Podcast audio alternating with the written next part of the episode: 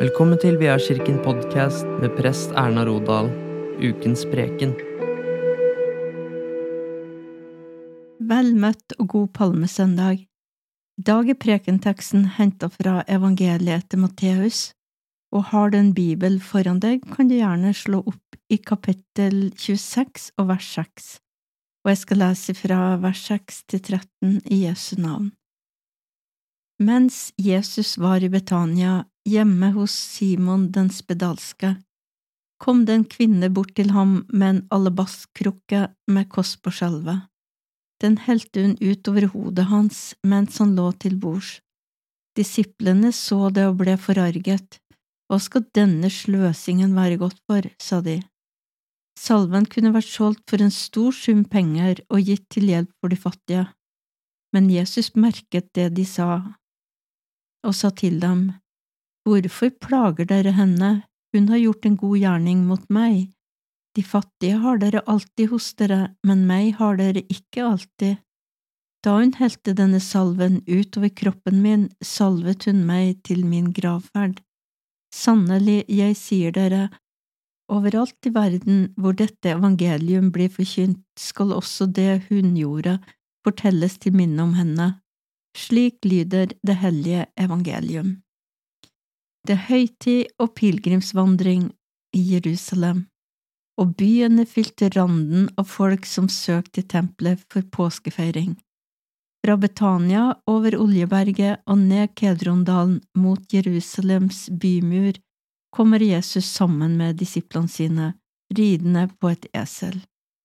Stemninga stiger, det stor lengsel i folket etter en konge, en frigjører og en frelser. Og mange tenker kanskje er Jesus den Messias de hadde gått og venta på. Alle hadde jo hørt om Jesus sine undergjerninger, og mange var til stede da Jesus vakte opp Lasarus fra de døde.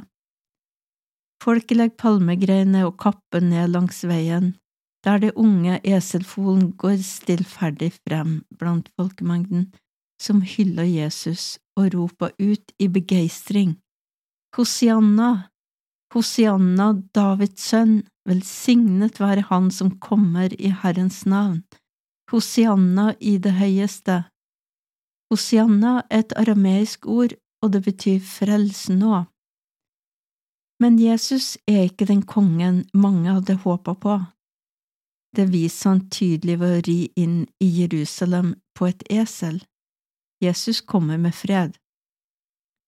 Flere ganger på veien fra Galilea til Jerusalem hadde Jesus snakka med disiplene sine om sin lidelse og død, og at han var den lovede Messias som folket hadde gått og venta på, og som det var profetert om flere hundre år før Jesus kom. Leser vi evangeliene parallelt, så ser vi at alle legger vekt på å få fram at det som skjedde med Jesus i Jerusalem, og at det stemte med profetiene om Messias sitt komme. For at det ikke skulle være tvil om at Jesus var den Messias, den lovede Guds sønn. Og når Jesus kommer ridende på et esel, så utløste det glede og jubel.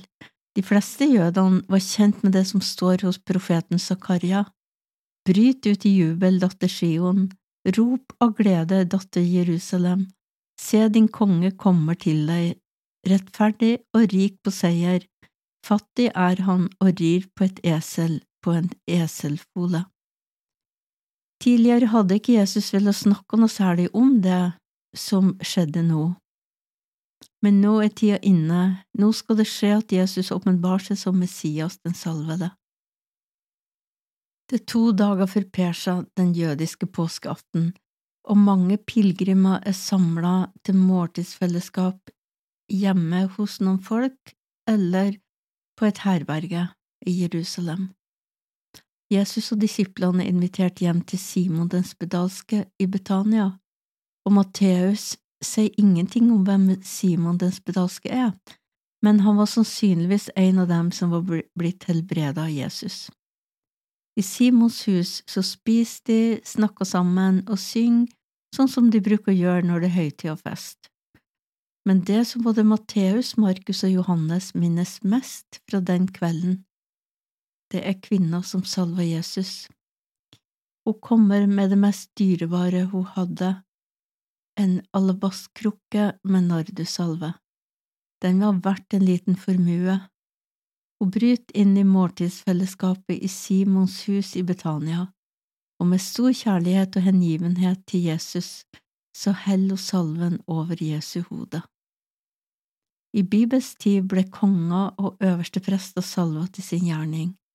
Moses fikk beskjed om å salve Aron som øverste prest, og hans sønner skulle innvies ved salving og gi dem rett til et prestedømme som skulle vare fra slekt til slekt.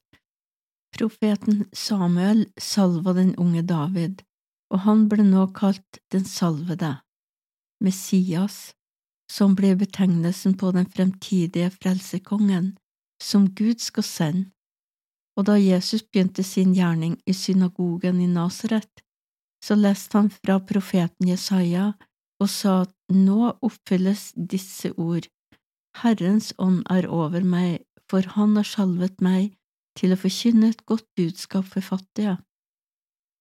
Her er det altså kvinner med alabastkrukken som fysisk lar det skje, og Jesus bekreft at hun med sin gjerning har salva han som Messias.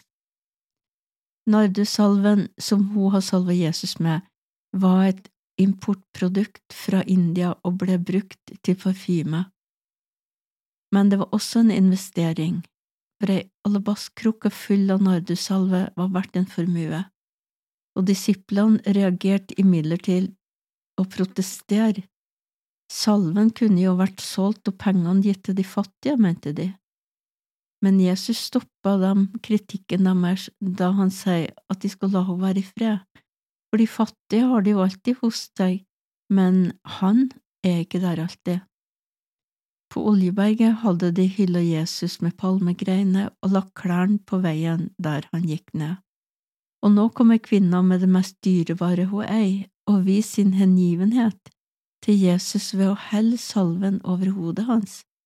Og Jesus sier, overalt i verden hvor evangeliet blir forkynt, så skal det hun har gjort, fortelles til minne om henne. Og her trekkes vi dypere inn i Messias-mysteriet.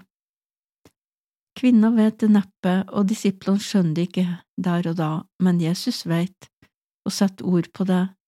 Kvinnen sin gave forbereder og tydeliggjør det som skal skje. Nå er Jesus salva til sin gravferd, til sin vandring til korset og til sin gjerning som Israels Messias, vår frelser. Jesus var nok klar for å dø for verden, og han gjorde det helt frivillig. Det var ikke jødene som korsfesta Jesus, det var heller ikke den onde djevelen som gjorde det.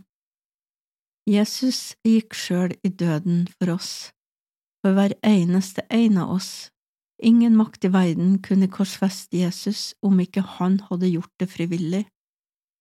For korsfestelsen var Guds frelsesplan for både deg og meg og det var Guds metode for at vi skulle gå fri. Ære være Faderen og Sønnen og Den hellige ånd, som var, er og blir en sann Gud fra evighet og til evighet. Amen. Takk for at du lytta til Vedkirkens podkast. Ta imot velsignelsen. Herren velsigne deg og bevare deg. Herren la sitt ansikt lyse over deg og være deg nådig.